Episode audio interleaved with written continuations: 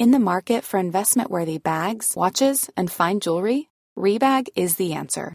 Rebag is a luxury resale platform where each piece is carefully inspected by experts to ensure quality and authenticity. Use Rebag to buy and sell finds from the world's top brands, including Louis Vuitton, Chanel, and Cartier. Head to Rebag.com and get up to 15% off your first purchase as a member with code REBAGNEW. Shop today at Rebag.com. That's R E B A G.com. And use promo code REBAGNEW for up to 15% off your first purchase as a member. Hey, I'm Ryan Reynolds. Recently, I asked Mint Mobile's legal team if big wireless companies are allowed to raise prices due to inflation. They said yes. And then when I asked if raising prices technically violates those onerous two year contracts, they said, What the f are you talking about, you insane Hollywood ass? F- So to recap, we're cutting the price of Mint Unlimited from $30 a month to just $15 a month. Give it a try at mintmobile.com slash switch. $45 upfront for three months plus taxes and fees. Promo rate for new customers for limited time. Unlimited more than 40 gigabytes per month. Slows. Full terms at mintmobile.com. Hey, it's Paige DeSorbo from Giggly Squad. High quality fashion without the price tag. Say hello to Quince. I'm snagging high-end essentials like cozy cashmere sweaters, sleek leather jackets, fine jewelry, and so much more. With Quince being 50 to 80% less than similar brands. And they partner with factories that prioritize safe, ethical, and responsible manufacturing. I love that. Luxury quality within reach. Go to quince.com slash style to get free shipping and 365 day returns on your next order. Quince.com slash style.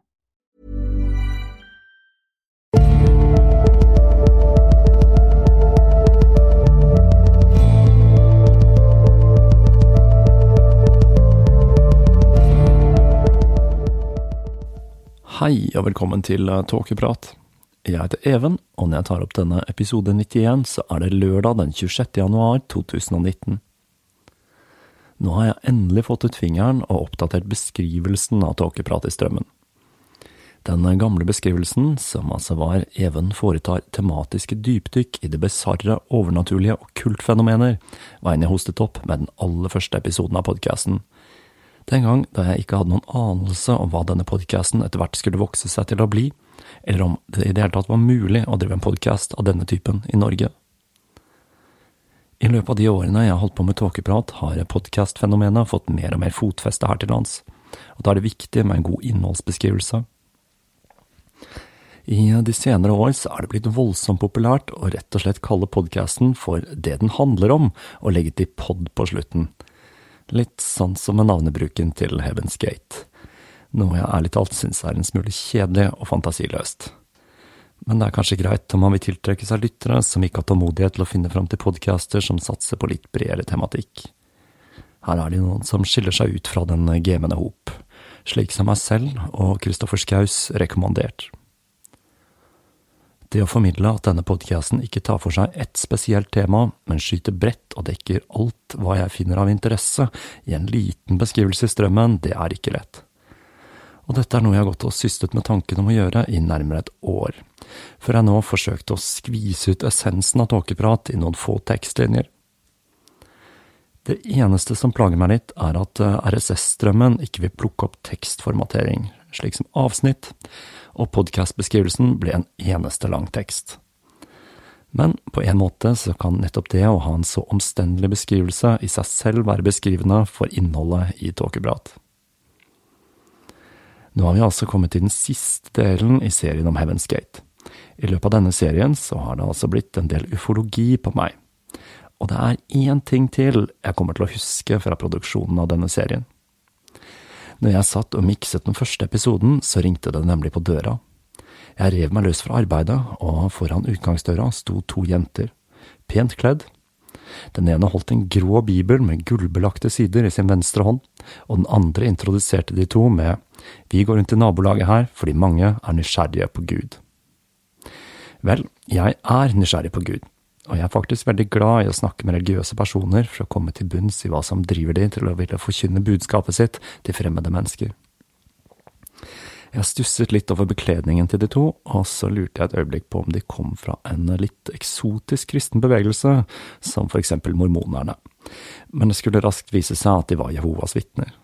En gruppe jeg har brukt mange timer på å prate med, i håp om å klare å stille dem noen spørsmål ved det å bruke Bibelen som et svar på alle livets utfordringer, og kanskje få de til å tenke litt selv. Men denne gangen så hadde jeg dessverre ikke tid til å slå av en prat. Misforstå meg ikke, jeg er genuint interessert i verdenssynet til denne typen bevegelser, og jeg er hyggelig og imøtekommende når jeg får besøk, men jeg blir også litt trist spesielt siden de som blir sendt ut til å gå fra dør til dør, åpenbart er strategisk satt sammen for å virke appellerende til ulike mennesker. Tidligere har jeg fått besøk av familier med barn og ektepar. Alle plettfritt antrukket med nykjemmet hår, og de ser ofte litt ut som om de har blitt transportert fra en annen epoke for å spre sitt budskap om Bibelen. En gang fikk jeg til og med et håndskrevet brev fra et barn som eh, fortalte om arbeidet til Jehovas vitner. Det har jeg hengt på kjøleskapdøra. Denne gangen så var det to unge, pene jenter. Et trikk som har blitt benyttet av alskens ulike sekter opp igjennom, og noe som er veldig effektivt om man støter på rette vedkommende. Men det var ikke meg, og stort mer skivebom enn meg, det tror jeg er vanskelig å finne i kongeriket Norge. Og siden jeg var opptatt, så hadde jeg ikke tid til denne praten om Gud. Men jeg sa de gjerne måtte forsøke igjen en annen gang. Men jeg har på følelsen at de var litt skeptiske til omvendingspotensialet mitt. Jeg husker ikke hva jeg hadde på meg, men jeg har da et ganske sprekt utvalg av T-skjorter med ulike okkulte motiver. Og det kan jo tenkes at de trodde, med det rette, at jeg var en tapt sjel. Og da tror jeg bare vi sparker i gang dagens episode, og den siste delen av historien til en annen religiøs gruppe, Heaven's Gate.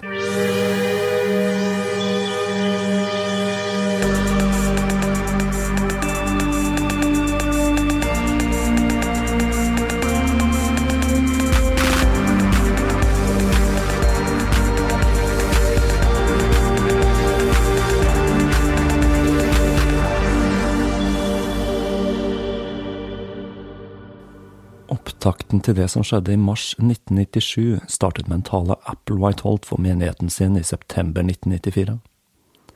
Ved siden av en tom stol som representerte Nettles sin tilstedeværelse, forklarte han at de på samme måte som Jesus frivillig hadde gitt sitt liv, kunne være nødt til å legge fra seg farkosten, vil si kroppen, for å kunne bli opphøyd til det neste nivået.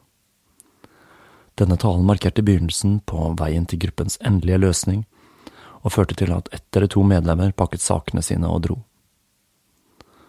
Det at flertallet av gruppen, som besto av mer enn 30 mennesker, nikket anerkjennende til denne ideen, er ikke så vanskelig å forstå når man har satt seg inn i det tankegodset vi har lært om i de to foregående episodene.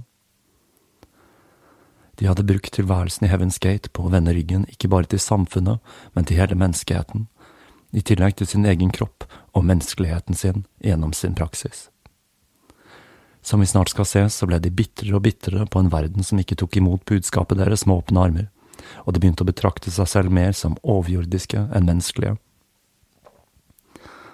Gruppen hadde startet med en ny runde misjonering i 1988. Dette begynte med en brosjyre, og de utvidet virksomheten med en programserie i tolv deler som ble kringkastet via satellitt-TV, og som tok for seg teologien deres. Denne ble publisert i 1991 og 92. Denne TV-serien ble fulgt av en rekke reklamekampanjer i 93, som ble avsluttet med at fire til fem grupper reiste rundt i USA for å spre budskapet til Heaven's Gate. Resultatet av denne evangeliseringen var mildt sagt nedslående. Og selv om noen tidligere avhoppere søkte tilbake til gruppen, så fikk de kun sju nye tilhengere som et resultat av denne massive markedsføringen. Dette gjorde at ordbruken i kampanjene ble mer og mer konfronterende og bitrere og de begynte å bruke typen enden er nære-slagord, men selvsagt med en ufologisk vri. De kunne fortelle at de eksisterende religionene var blitt korrupte på grunn av onde romvesener, og at vesenet på det neste nivået snart ville begynne prosessen med å resirkulere jorda og dens innbyggere. På det siste møtet gruppen holdt i 1994, var det kun én person til stede, og han var en journalist.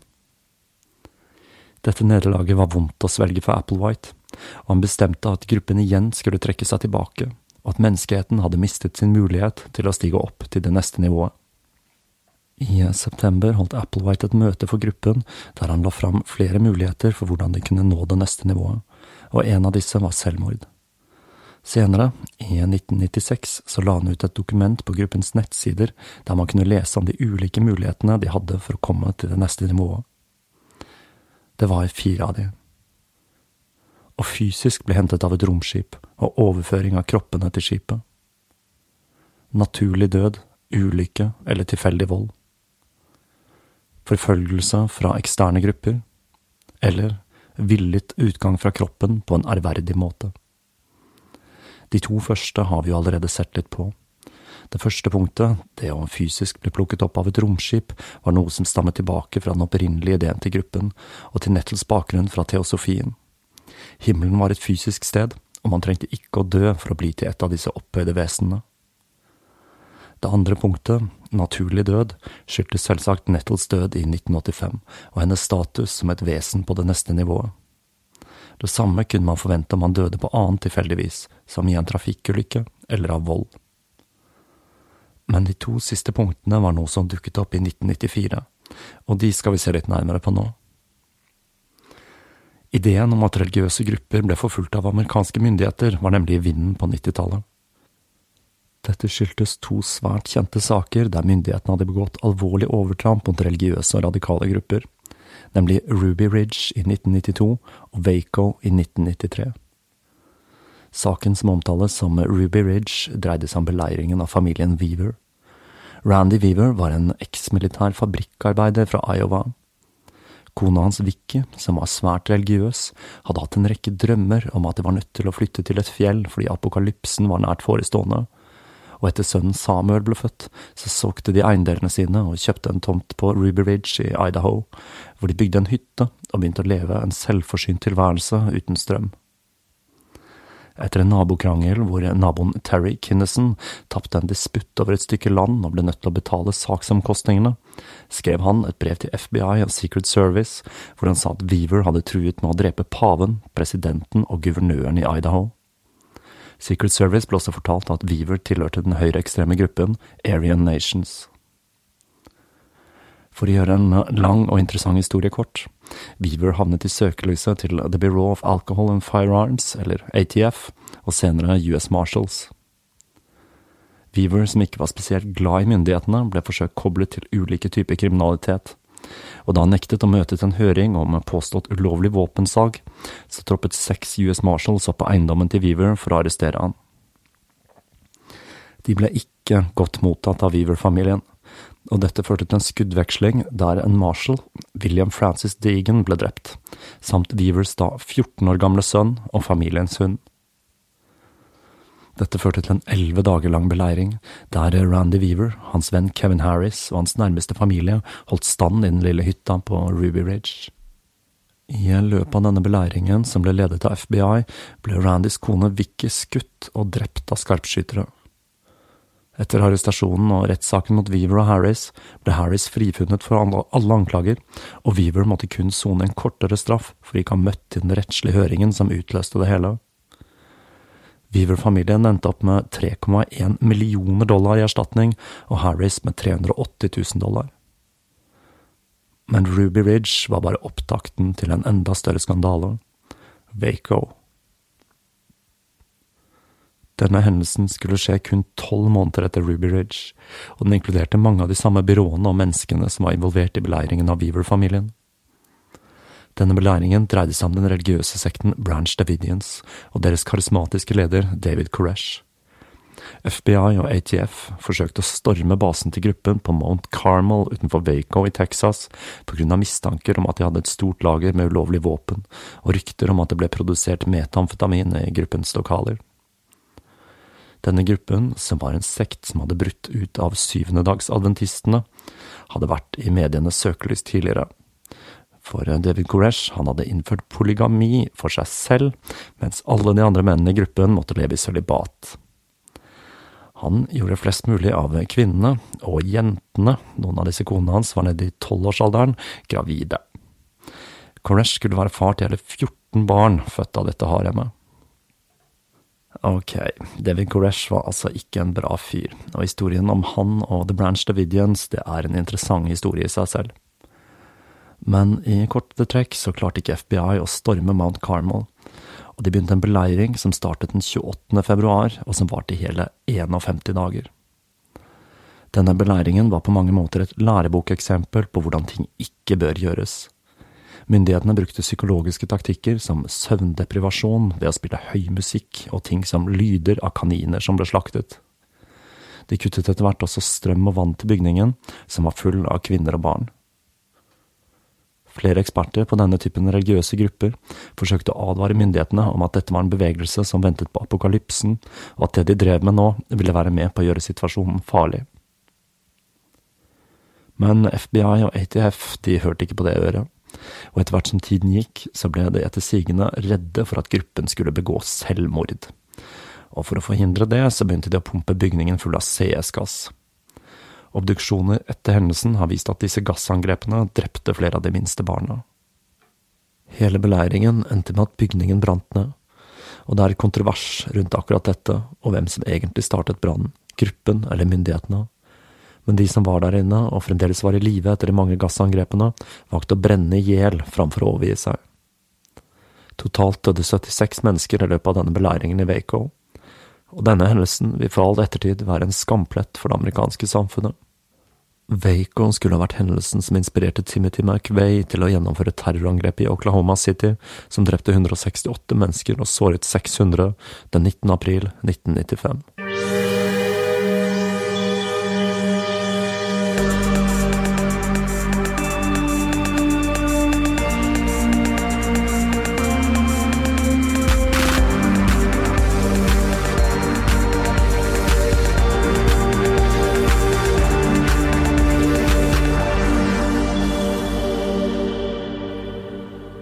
Heaven's Gate, de håpte på at noe tilsvarende skulle skje med de, slik at de kunne ende sine dager på en måte som ville gå inn i historien som enda et overgrep fra myndighetene mot en religiøs gruppe, og på den måten få satt søkelys på teologien sin.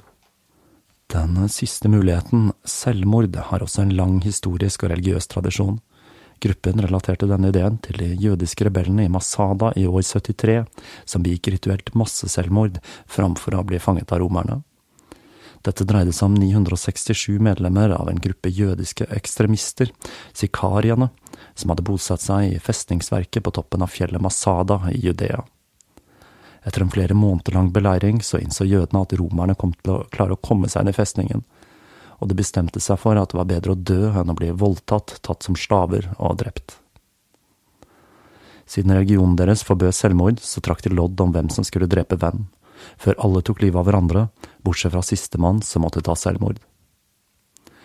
Eller slik går nå i hvert fall historien som inspirerte Heaven's Gate, for det er en del kontroverser rundt akkurat denne fortellingen.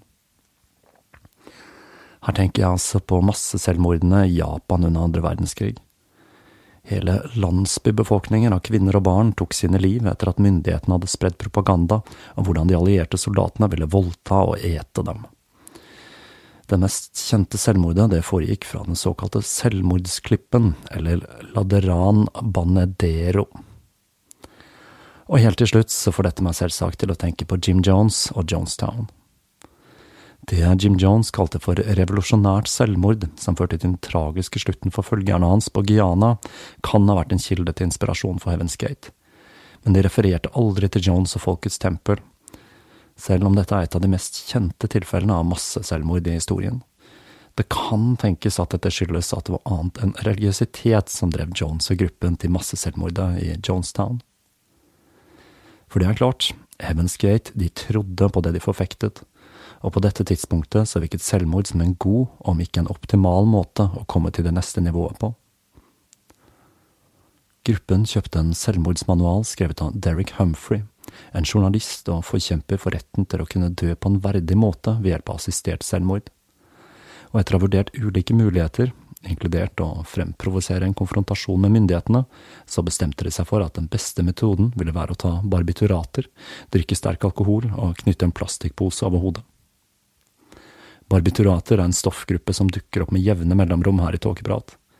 Preparater av denne typen var blant annet brukt i eutanasiprogram i Tyskland under krigen. Disse preparatene er fremdeles i bruk, men de er i stor grad byttet ut med andre medikamenter med mindre bivirkninger og mindre sannsynlighet for overdose. Men for Heaven's Gate sin del så var det akkurat det de var ute etter. Men til tross for planene om å stige opp til det neste nivået på dramatisk vis, så gikk livet videre. Og i 1995 så begynte de altså å bygge på hva som var tenkt som en permanent base i New Mexico etter Earthship-modellen. På denne tiden begynte også Hey, I'm Ryan Reynolds. At Mint Mobile, we like to do the opposite of what Big Wireless does. They charge you a lot, we charge you a little. So naturally, when they announced they'd be raising their prices due to inflation, we decided to deflate our prices due to not hating you. That's right. We're cutting the price of Mint Unlimited from $30 a month to just $15 a month. Give it a try at mintmobile.com slash switch. $45 upfront for three months plus taxes and fees. Promo rate for new customers for limited time. Unlimited more than 40 gigabytes per month. Slows. Full terms at mintmobile.com. Hey there, it's Michelle Norris. I'm host of a podcast called Your Mama's Kitchen. When I travel, I'm usually looking for a way to find a taste of home when I'm not at home. And one of the things I love to do when I am at home is entertain. And Airbnb allows me to do that. When I was in California recently, I rented a house that had a great kitchen. And when we were sitting around the table, we we're all thinking, we're in someone else's house. Someone could be in all of our homes as well. If you have a home, but you're not always at home, you have an Airbnb. Your home might be worth more than you think. Find out how much at airbnb.com/slash host. Så gruppen med en av de tingene de var blitt mest kjent for i ettertid. De begynte å kastrere seg. Totalt åtte medlemmer, inkludert Applewhite, gjennomgikk operasjonen. De gjorde dette for å hemme produksjonen av hormoner som gjør kroppen beruset, dum og blind. Grunnen til at de gjorde dette, var å fjerne seg ytterligere fra sin menneskelighet og menneskelig kjønn. Det å avstå for, fra alle former for seksualitet ble nemlig beskrevet som en av de største utfordringene til medlemmene av gruppen, og kastrering, det var en enkel løsning. Det er jo verdt å merke seg at det å kastrere seg er en tanke mer omfattende og dramatisk enn eksempel å ta en piercing. Og Applewhite han fikk en rekke komplikasjoner etter operasjonen. Dette indikerer at gruppen langt fra hadde bestemt seg for å begå selvmord i 1995. Og jeg vil også påstå at dette viser en ekstrem dedikasjon til troen deres. Etter å ha satt meg inn i teologien til Heaven's Gates, så var kastrering faktisk en logisk løsning for gruppen. Men det jeg lurer litt på, det er hvordan de fikk det gjort, og hva fastlegen ville ha svart om han fortalte at man ønsket å kastrere seg for å komme nærmere en tilstand som et utenomjordisk vesen. Det er vel en viss fare for at man måtte gjennomgå en psykologisk evaluering først, men tydeligvis ikke i USA på 90-tallet. Gruppen skulle forsøke seg på å spre budskapet sitt en siste gang, og denne gangen via Usenet. Den første posten de la ut, oppfordret de som ville følge gruppen til å bevæpne seg og gjøre seg klare for å bli drept i et raid av myndighetene. Denne posten, som ble lagt ut i september 1995, hadde overskriften Undercover Jesus, og ble lagt ut på grupper tilknyttet motkulturen og alternativ spiritualitet. Denne ble fulgt med en serie med poster med mer science fiction-klingende titler, som ET Speaks, og den ble lagt ut på grupper som rettet seg mot science fiction-fans. I denne posten så redegjorde de for sin kosmologi og den nært forestående dommedag som igangsatt av de luciferianske romvesenene. Disse Usenet-postene inneholdt også noe så unikt som en URL til gruppens nettside på verdensveven. World Wide Web var ikke et utbredt system på denne tiden, og dette viser at gruppen lå langt framme når det gjaldt teknologi og digital kommunikasjon. Men som jeg sa i forrige episode, så krevde Usenet noe know-how og de folka som leste meldingene fra Heaven's Gate, de ble ikke imponerte. For det første så endret de tittel og krysspostet meldingen til flere grupper, noe som ikke var spesielt populært. Og alt disse meldingene fikk av respons, var spydigheter og bitende sarkasme fra andre Usenet-brukere. 1995 var også det året Applewhite for første gang skulle bruke betegnelsen Heaven's Gate. I første omgang var dette kun en referanse til det å stige opp til det neste nivået. Som jeg nevnte i første episode, så refererte de til seg selv som Human Individual Metamorphosis, eller Klassen. Men når den første nettsiden deres ble erstattet av en ny i 1996, den dere fremdeles finner på nettet i dag, så brukte de navnet for første gang om selve gruppen. Fra denne nettsiden begynte de å distribuere en bok som het hvordan og når himmelporten, døren til det fysiske kongedømmet, nivået over menneskelig, kan entres, en antologi av vårt materiell. De hadde i det minste en lang tittel på denne boka, som består i all hovedsak av transkripsjoner av programserien de hadde laget i 1991 til 92. Boka kunne lastes ned gratis fra nettsiden, men den trykte utgaven den solgte så dårlig at distributøren solgte den tilbake til gruppen. I tillegg så solgte de to videoer med forelesninger av Applewhite fra nettsiden. I disse videoene forteller Applewhite om sin avsky for de store verdensreligionene. Men han forteller at til tross for at den var blitt ødelagt av onde romvesener, så var han litt svak for islam, siden religionen prediket ydmykhet, og ikke minst fordi tilhengerne var villige til å dø for sin tro. Han luftet også sin nyeste versjon av teologien til gruppen, og fortalte at de som ikke var klare eller villige til å gi seg hen til det neste nivået nå, ville få muligheten igjen om noen tusen år. Forutsetningen var at de hadde et innskudd eller en sjel, den ideen om predestinasjon som hadde sine røtter i kalvinismen. Han sa at personer som var tilknyttet ekstreme religiøse og politiske grupper i samfunnets ytterkant, var gode kandidater for å inneha dette innskuddet. Dette var altså noe nytt. Applewhite begynte nå å henvende seg til radikale grupper. Boka, som var på over 300 sider, av disse to filmene, førte kun til at et eneste nytt medlem ble med i gruppen. Og nå skal vi se litt på hvorfor Applewhite plutselig hadde tatt radikale grupper inn i varmen. Allerede så har vi jo sett hvordan Waco og Ruby Ridge hadde påvirket gruppen, og gjorde at de forventet å bli raidet av myndighetene. På 90-tallet begynte konspirasjonskulturen å blomstre. Det var flere grunner til dette.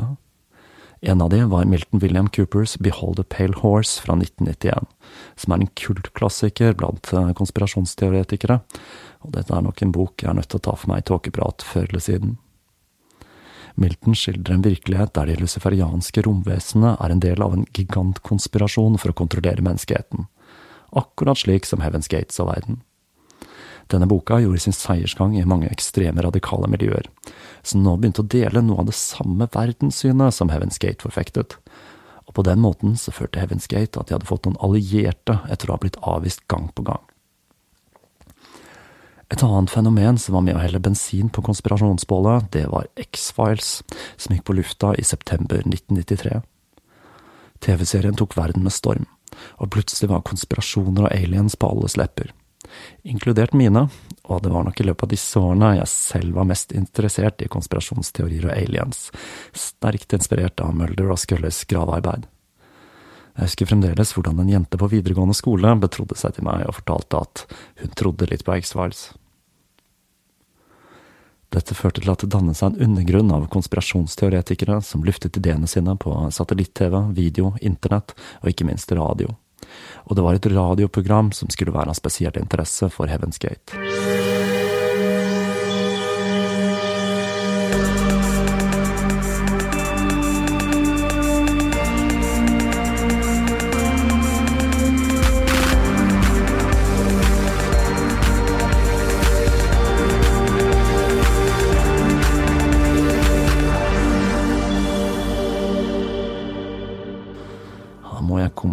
Denne her ideen om konspirasjonsteorier.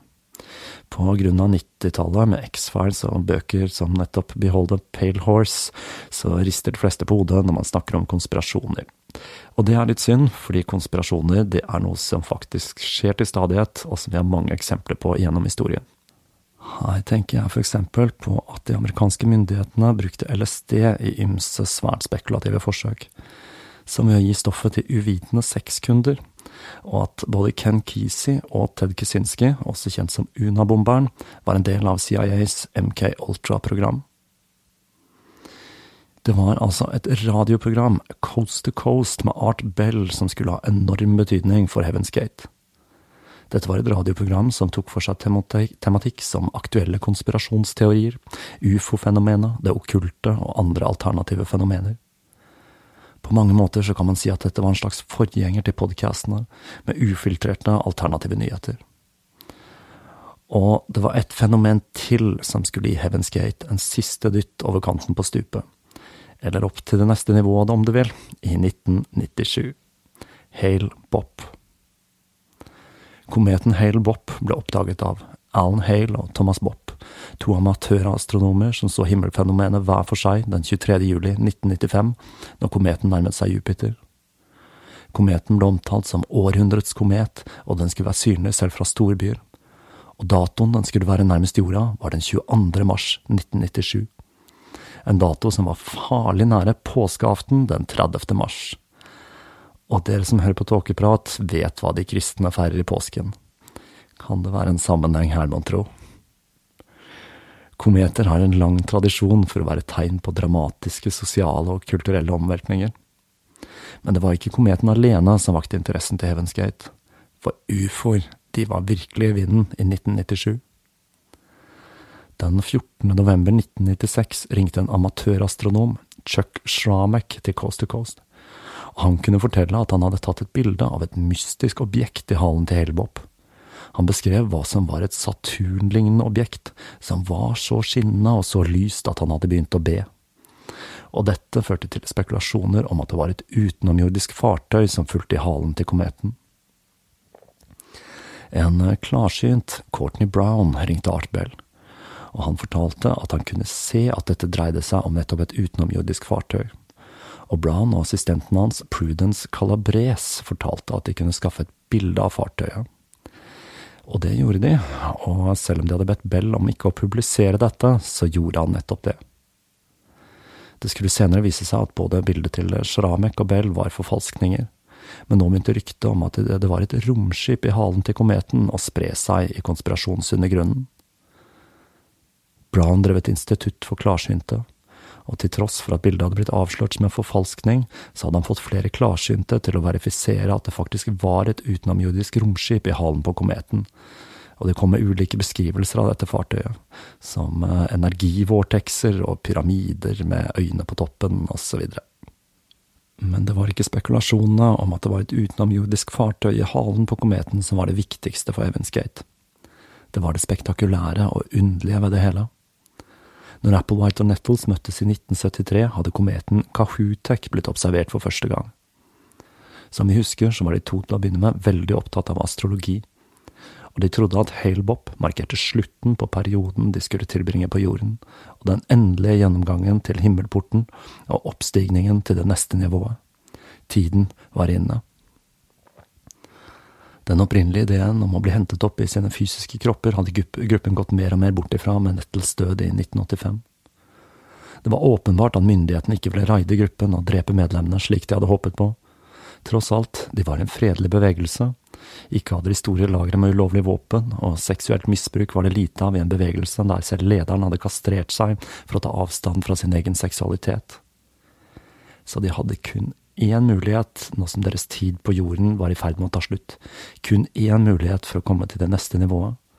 Å legge fra seg fartøyet ved å ta sine egne liv for å overføre innskuddet til det evolusjonære nivået over det menneskelige. I begynnelsen av 1997 begynte gruppen på forberedelsene til slutten. Den 26. januar kjøpte de patcher til uniformene. På disse kunne man lese Earth Exit Monasteries men de var tydeligvis ikke fornøyd med disse, da de senere skulle gå til anskaffelse av de nå svært kjente Heaven's Gate Away Team-patchene de skulle bruke i det siste ritualet. I februar kjøpte de stoff til uniformene og til likkleder, og den 1. mars kjøpte de 39 like par Nike-sko til medlemmenes siste stund på jorden. Så skulle de bruke gruppens siste finanser på litt ulike jordiske aktiviteter. De dro til Las Vegas, på kino, spiste på flere ulike restauranter, dro til en dyrehage og SeaWorld. Som tidligere nevnt så var deres aller siste måltid et felles måltid med pizza. Få ting smaker så godt som pizza etter å ha levd i en sexløs tilværelse, avskåret fra samfunnet med kun kjedelige dietter og brekkmiddel å forholde seg til. Alle bortsett fra fire medlemmer skulle lage såkalte exit-videos, eller utgangsfilmer. I disse filmene, som fremdeles er tilgjengelig på internett, forklarer medlemmene hvorfor de valgte å forlate vår verden. De fortalte at de var klar over at folk ville betrakte de som gale, og Applewhite som en kynisk og manipulerende kultleder, men at sannheten var at de selv hadde valgt denne løsningen av egen fri vilje. I tillegg til videoene som ble sendt til tidligere medlemmer for videre distribusjon, publiserte de en pressemelding den 22. mars. Heaven's Gate Away Team returnerer til nivået over det menneskelige i det ytre rom, hvor de redegjorde for teologien og verdenssynet sitt. I denne pressemeldingen hinter de også om at himmelporten snart vil stenges, og at det vil være svært vanskelig for andre å følge deres fotspor, da dette forutsatte at man først måtte legge til side sin menneskelighet. De tok livet av seg i tre bølger. Etter å ha inntatt barbiturater og alkohol, bandt de en plastikkpose over hodet og forlot vår verden med rituell presisjon. De hadde på seg nye uniformer, patcher med Heaven's Gate Away Team, svarte Nike-sko, og i lommene hadde de hver sin femdollarseddel og tre quarters. En praksis gruppen hadde innført da medlemmene ofte var på reisefot, og dette alltid sikret at de hadde busspenger. De gikk inn i døden frivillig og med glede.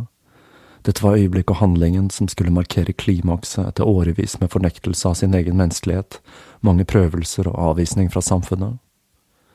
De døde ble dekket av lilla likkleder, en farge forbundet med påsken og oppstandelsen. I huset hadde de alle krysset seg ut av gruppens sjekkliste, en liste de hadde brukt siden åttitallet for å holde oversikt over hva de enkelte medlemmene drev med den dagen. I rubrikken for forventet tilbakekomst hadde de fleste skrevet ha det, aldri, og en hadde til og med skrevet hasta la vista baby, Arnolds kjente strofe fra Terminator 2. De hadde valgt å forlate livet på jorda for å stige opp til en tilværelse på det neste nivået. Dette var slutten på en religiøs bevegelse som hadde eksistert i to tiår, og med dette selvmordet ble himmelporten stengt for alltid.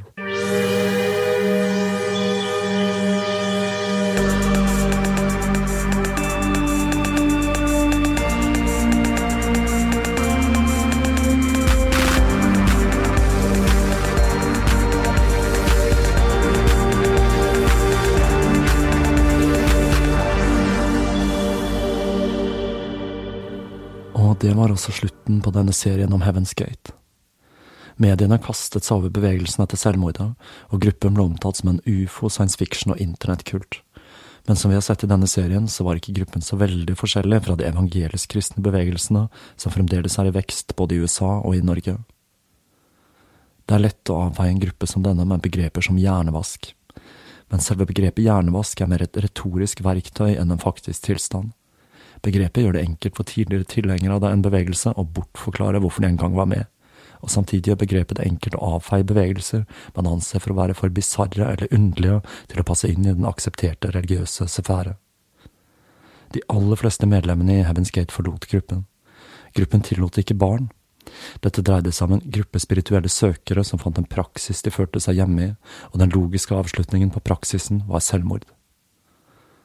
Dette gjør at jeg trekker følgende noe ubehagelige konklusjon. Selvmordet var en religiøs, villet handling, utført av medlemmenes frie vilje, som et siste ritual for å oppnå den ultimate spirituelle tilstanden de søkte. Spørsmålet er om gruppen hadde overlevd om de ikke hadde begått selvmord. Gruppen viste at de kunne overleve døden til Nettles og innlemme denne i teologien sin, og jeg ser ingen grunn til at de ikke kunne gjort det samme om Applewhite døde. Det jeg lurer litt på, er hvor levedyktig denne gruppen hadde vært, med tanke på at de tok avstand fra seksualitet, og til og med praktiserte kastrering som en del av religionen.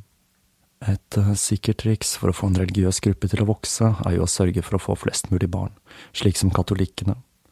Noe som gjør at det er litt underlig at disse religionene ofte har et anstrengt forhold til uh, seksualitet. Og jeg vil igjen sende en tanke til de to jentene som går fra dør til dør for å spre budskapet om Gud i den norske januarkulda. Da har vi altså kommet til veis ende i denne serien. Neste helg så er jeg i det store utland, og jeg får derfor ikke tatt opp en ordinær episode. Men eh, fortvil ikke. Om alt går etter planen, så kommer det en overraskelse neste søndag. Men jeg vil ikke gå noe nærmere inn på det før alt er i boks. Så enten vi høres igjen om én eller to uker, så vil jeg oppfordre til å gi podkasten en god rating, følge den i sosiale medier, tipse en venn eller bli en patrion. På gjenhør.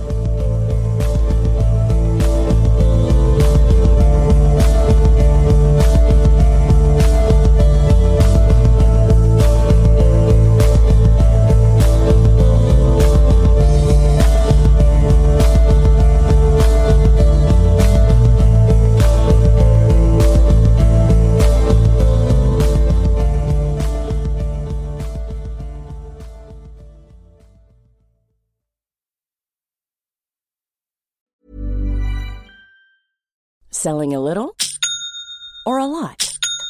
Shopify helps you do your thing however you cha-ching. Shopify is the global commerce platform that helps you sell at every stage of your business. From the launch your online shop stage to the first real life store stage, all the way to the did we just hit a million orders stage. Shopify is there to help you grow. Shopify helps you turn browsers into buyers with the internet's best converting checkout. 36% better on average compared to other leading commerce platforms because businesses that grow grow with Shopify. Get a $1 per month trial period at shopify.com/work. shopify.com/work.